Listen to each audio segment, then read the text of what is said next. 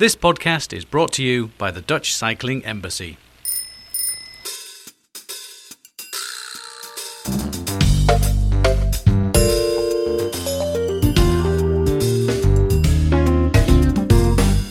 Okay, ladies and gentlemen, welcome to the Metropolitan Mobility Podcast. And this time we're going to have a look in the future of cycling and also looking back. We haven't got a guest, we just have got my favorite sidekick, Chris Bruntlett. Chris, are you there? Hey, sure. Uh, good to be with you today, all the way from sunny Delft. Yeah, for me, sunny Zandvoort. For people uh, catching in from abroad, that's 25 kilometers to the west of Amsterdam. Uh, first of all, we, we just shortly wanted to look back at this celebrating cycling cities. Chris, what was this all about last Tuesday? Yeah, so I think Daniel Mes said it best from the European Commission. Uh, he said you should celebrate more th- things that you want to see more of. And uh, so, in partnership with the European Cyclist Federation, we hosted this uh, two hour event just to bring together uh, cities across Europe that have been building more cycling infrastructure, growing their cycling culture, uh, getting more people cycling more often, and uh, and sharing knowledge and best practice amongst those cities. Yeah, it was cool. Uh, for us, or for me, yeah, for us, for both of us, it was also like looking back at many podcast interviews uh, and talking to uh, scientists, policymakers, and uh, entrepreneurs uh, around many different cities. We did to get how many cities did we do, Chris? Because I always forget. We did four. I think fourteen so far. Yeah. Yeah, and the city London. Uh, this will be a nightmare, but we will just put it on tape because I, have lost all the names. But we've done Copenhagen, uh, London, uh, Paris, Berlin. Uh, so quite a few uh, cities. If I would ask to you, what was and not what stood out, but what was your highlights? Always personal, but what what what what one of the episodes where you thought to yourself, "Oh, that was new," or you liked the most? I think I walked out of our conversation with Will Norman, uh, London's Walking and Cycling Commissioner, with a lot of respect for. Uh, what London has accomplished up to this point, and, and also their plans for the future. Traffic isn't like water. Traffic is human behaviour. It's not an inert object. This is how people move around their city in inert objects, but in itself it is a human behaviour.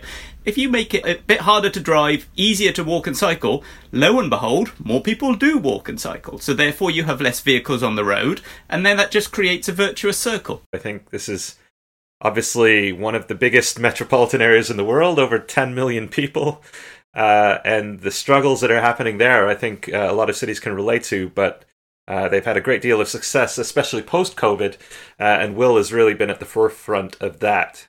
And for me uh, personally, maybe strange example to, to tell, but of course we did Berlin with with Burkhard Stork, with the pop up bike lanes, and there were many many great examples also from Copenhagen. But maybe strange enough because it was Helsinki the people do have the motivation to, to cycle in the winter. It is the same motivation that they have in the summer to, to see their friends, to go to work, what, to, to do a, like a refreshing trip or something. So I think it's not about just even talking about separately about winter cycling. Just uh, like cycling should be just cycling regardless of the season uh, that we're in. And Helsinki, I just I know. I'm really sorry, but I can't get to the name right now. But she said about really cycling in the winter. And of course, I thought to myself, impossible, way too cold or slippery. And she had this anecdote that she did put winter tires on, especially for the snow. And I thought it was so simple. And what I liked about this whole episode that it was an unusual suspect for me. And an unusual suspect that it's not a cultural thing it's not a weather thing it's just yeah getting getting your how do you say this properly? You always help me with english chris but getting your act together get your clothes together get the biking path right in the proper way get your wheels ready in the right way but then in so many circumstances it's possible. And that's probably for me it will be one of the highlights, I think. Yeah, I mean, I think Henna kicked off the tone of the interview when she had stated that Helsinki had the ambition to be the most functional city in the world, and I think that's um, it's not that it wants to be the most sustainable or the most livable or the most smart or it's about function to them and i think that's really interesting approach maybe a very nordic approach uh, that they're looking at the city as this function uh, and, and and want to provide services and streets and public spaces that uh, provide their citizens with everything they need and what, next week, uh, people can already listen to it. But you have to send me your book. Have you sent it already? Because I want to interview you on with all your knowledge. But uh, can people buy the book? We do an ordinary book promotion now, Chris. but can, can, they already buy it? Uh, it's officially released on the 28th of June. Uh, it's called Curbing Traffic: The Human Case for Fewer Cars in Our Lives. Uh, the physical books are currently on their way over from uh, the manufacturer in Chicago, and uh, uh, after which they will be uh, available. And uh, yeah, l- looking forward to talking about that in more detail in the weeks ahead. What was an, another highlight for you uh, of the event? I um, really enjoyed hearing from uh, the deputy mayor of Valencia. His name was Giuseppe Garet there you go with your Spanish. uh, he's Italian uh, originally, but uh, yeah. has lived in Valencia for the past 20 years. Giuseppe uh, Grezzi. How we did it. We put since 2015 on equal basis cycling and walking. We invest in more and better bike lanes. Right now, after five years, we have 30% more, 40 kilometers more, around 172 kilometers in total. And uh, we created a, a, new, renovated cycle, cycling culture. And uh, he's really transformed that city in a very short period of time. And I was lucky enough to travel there right before the lockdown. It was my last trip. Uh, I took my family cycling there for a week in the Spanish sunshine and uh, it really did come as advertised. Uh, just cycle tracks everywhere, um, really pleasant public spaces, and, and uh, he really got into the details of how that made, made that happen, and, and it really was. Um, well, they they're now calling themselves the Mediterranean cycling capital, which I think is uh, a, quite a brave thing to do. But uh, from my perspective, it's uh, it's a worthwhile title. I'm looking forward to go there. Uh, yeah, he was very inspiring. I agree. And then actually already looking to the future, uh, City was mentioned, of course, in the event. Uh, when is it going to happen or is it not going to happen? Because I was not sure myself. Probably you are better informed than I am. This has been um, obviously uh, something that uh, COVID has made quite uncertain. Uh, for those of the that don't know, Velo-city is the, the global cycling conference. Uh, it's often attended by as many as 2,000 people, uh, and it's held every year in June. But uh, last year it was supposed to be in Ljubljana. That's been postponed. and this year, instead of hosting in Lisbon in June, they've pushed it back to September and are hosting a hybrid event. So if you purchase a ticket now, you can get a severely discounted rate, and you can either opt to attend virtually, uh, or if uh, travel circumstances allow, you can head to Lisbon in person, which is exactly what we at the Dutch Cycling Embassy are hoping and, and planning to do. Now, there were a lot of people in the event, actually, of course, everybody is looking forward to suddenly see somebody uh, else in in real person. Uh, do you know the exact date of the Velo-city? Because I wasn't even yeah, sure. Yeah, it's the sixth to the 9th of September. So uh, right at the start of the what promises to be a fairly busy conference season, but uh, yeah, as I said, uh, they're planning all of the keynotes and, and roundtables and, and plenaries to be both uh, in person and available online for people to watch them if they can't. Uh, well, I found really uh, a highlight or cool because uh, Velo City in Lisbon also makes me wonder backwards towards the Velo City in Dublin when we started this whole idea uh, of for the first time using a microphone and suddenly uh, phoning many people and just asking for best practice and why I think it's a highlight because I got a lot of people uh, from Valencia and from Lisbon and the mayor and a lot of other people said, "Oh yeah, we want to do an interview and cool and want to share like best knowledges." So I, I thought to myself, looking back at Dublin, and we just started off this crazy idea together with a lot of help of from other people. Who are you looking forward to to talk to?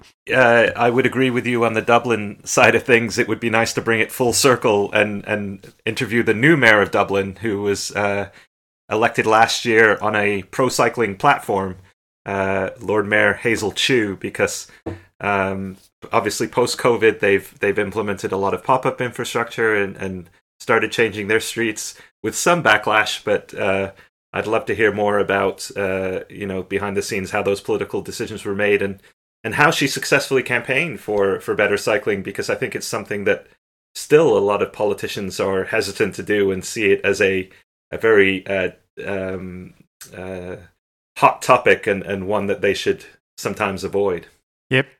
And I think that's what I found interesting too from the last event that I I was that was also one of my highlights was the interview with Jill Warren for the what is it? You are so much better with all the names and and the, but the, she's now the director of the European Cycling Federation.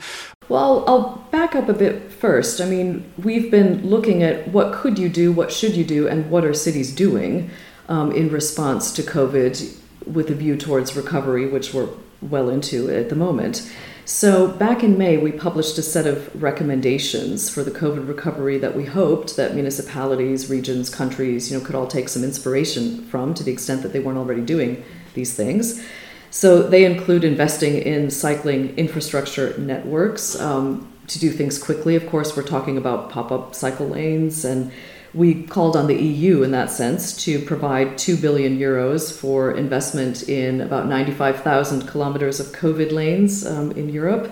Um, we've also called for uh, speed reduction, slow streets, the, the Woonerf, uh, you know, type um, solutions to make cycling and, and, and walking easier. So we thought, you know, we've, we've done these recommendations. We're kind of tracking what's going on. Why don't we do this in a very big scale way and, and launch a tracker also to see you know what's being done how fast is it being done but also how many of these measures that were meant to be more temporary become permanent over time. Suddenly you see that they want to be more professional that they really see what's going on in brussels lobby wise that that she told in the interview as well that okay how many car lobbyists were there in brussels and that I've got the feeling that this whole movement is is growing. That's first thing. That's always good. The Second thing is that you see these results on the streets because of this terrible uh, epidemic. Oh, oh gosh, this whole Corona thing, of course. But I hope, or I, I hope to see in Lisbon or in the next six to eight months that everybody is stepping up their game to actually really show that this can make a difference. So it's it's not only yeah, cycling is nice and there's a lot of volunteers coming in and and people yeah telling each other how nice cycling is that but but we're actually taking that real next step that is necessary for public space necessary for air pollution for noise for climate whatever so that, that that's my feeling. It, that it has to. Yeah, I hope it does. Or do you think this is an illusion? Or do you think to yourself, what the hell is he talking about? No, I, I completely agree, and I think we've we have reached a, a, tipping point where cycling is no longer seen as a nice to have for cities. It's it's a need to have, and, and if we are talking about addressing the climate crisis, uh, specifically as as uh, Matthew Baldwin introduced uh, this idea of 100 climate neutral cities by 2030 in, in his presentation. If we're going to achieve that goal, cycling has to happen. More cycling. Uh, we can't just electrify all of the cars and, and, and keep moving the way that we have been moving in the past. This modal shift needs to take place to more sustainable and energy efficient modes of travel.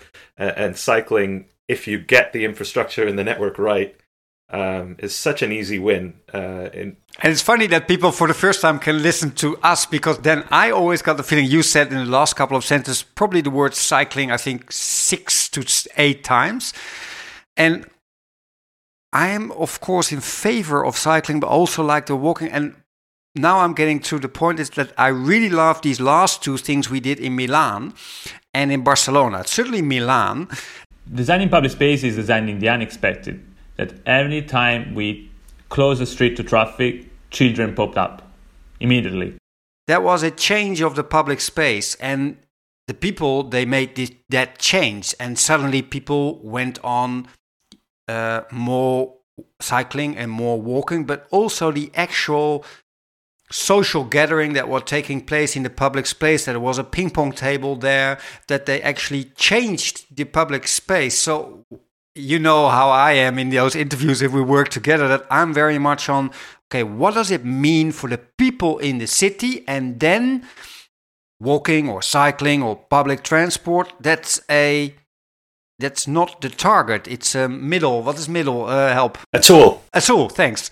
And that's what I really, really enjoyed from the last two bits from Milan and Barcelona. It was very much centered about people living there, what's needed for public space, and then these modalities came along. How do you respond if I say that if I'm not saying cycling, cycling, cycling all the time? I think it's a, an important point, and and because we work at the Dutch Cycling Embassy, we tend to focus on the bicycle as if getting more people cycling is the end goal, but we have to have a bigger conversation about cycling as a tool, as you said, a policy tool to create more equitable cities, more sustainable cities, more livable cities, more social cities. All these big issues that cities are struggling with, cycling helps uh, achieve those goals, but it in and of itself can't be the end goal. And and this is what we always emphasize when we're working with new cities is um, how does cycling fit into your aspirations and, and the challenges that you face in the 21st century?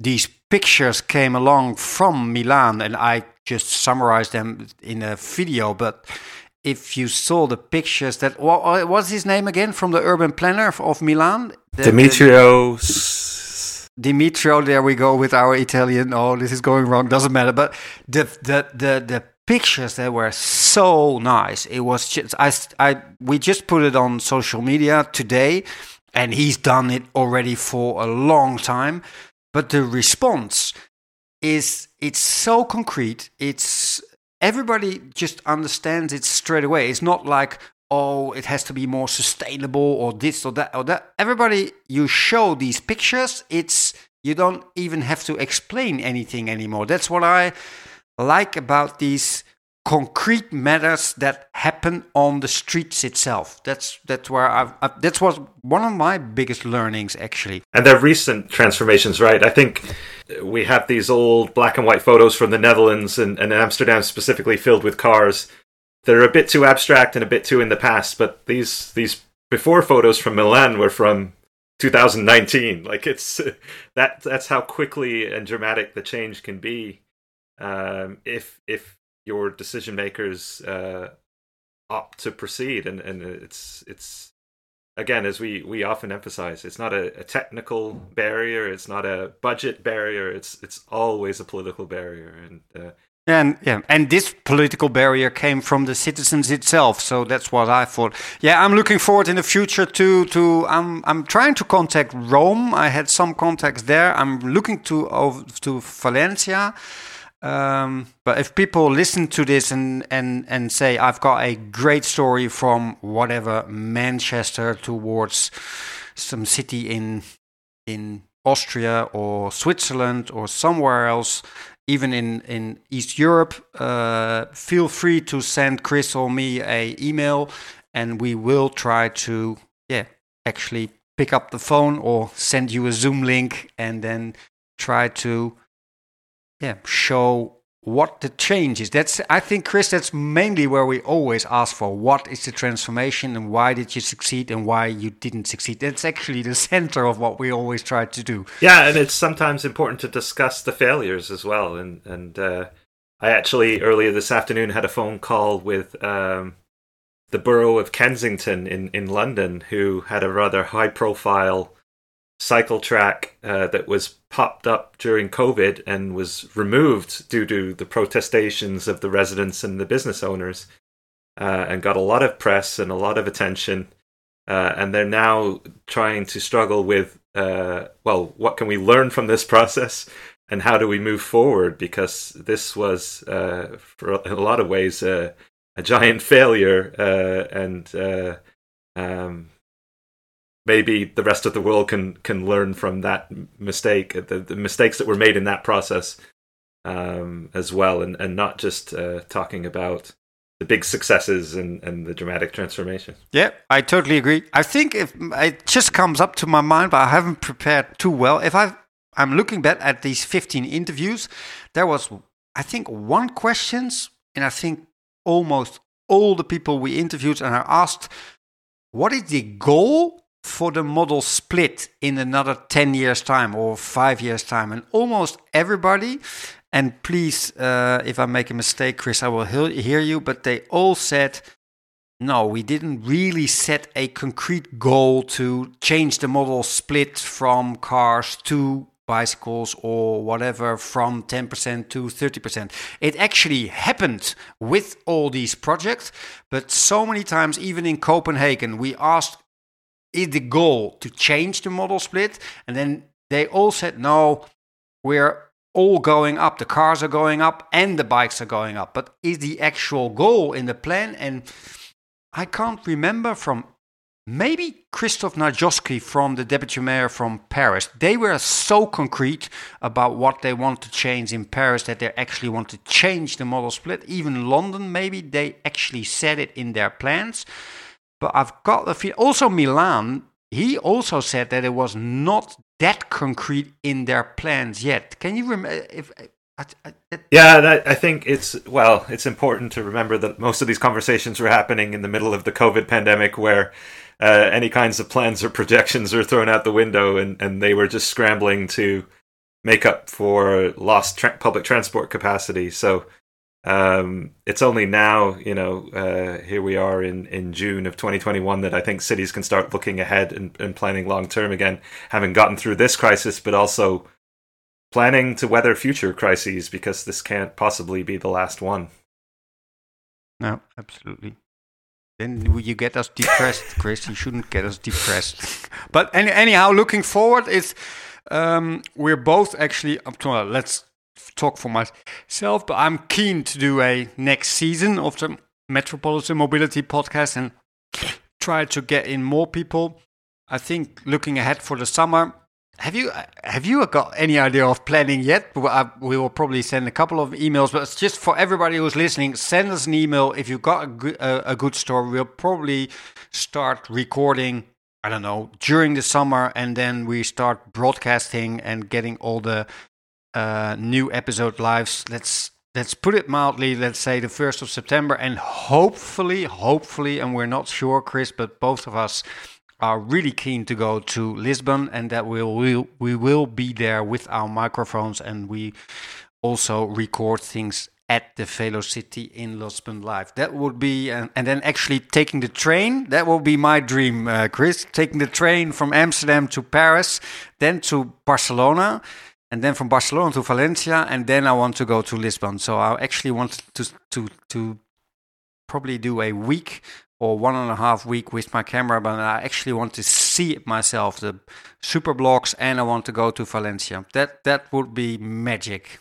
And what would you your your dream be for the next couple of months? No, I agree. One of my uh, posts or, or, or during lockdown uh, activities to pass the time was to watch a television series about great scenic railway journeys, and and so I, am really also uh, longing for a, a, train adventure. And uh, being a relative newcomer to Europe, haven't really had a chance to explore the railway network here. So uh, it it really does sound uh, perfect. It's going to be long days on the train, but uh, that's also part of the experience, and, and and I would definitely be interested in uh, in taking the train to Lisbon from from uh, here in Delft. And for all the listeners, they can then last promotion of your book. But now I will hope to get your book in one one and a half or two weeks, and then we will talk to each other again as maybe the first interview of the second season, interviewing you about your new book. But everybody, uh, thanks a lot for listening. And Chris,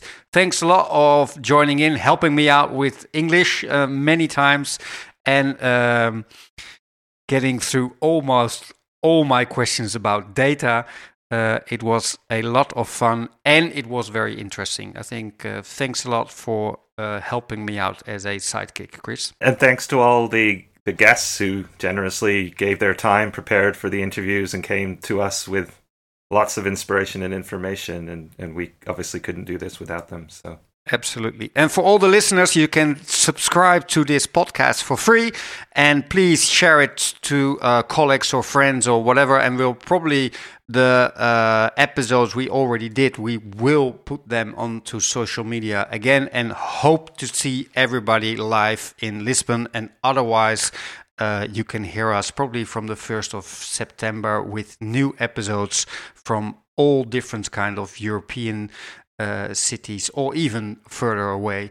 So everybody have a good summer and bye bye for now. Cheerio.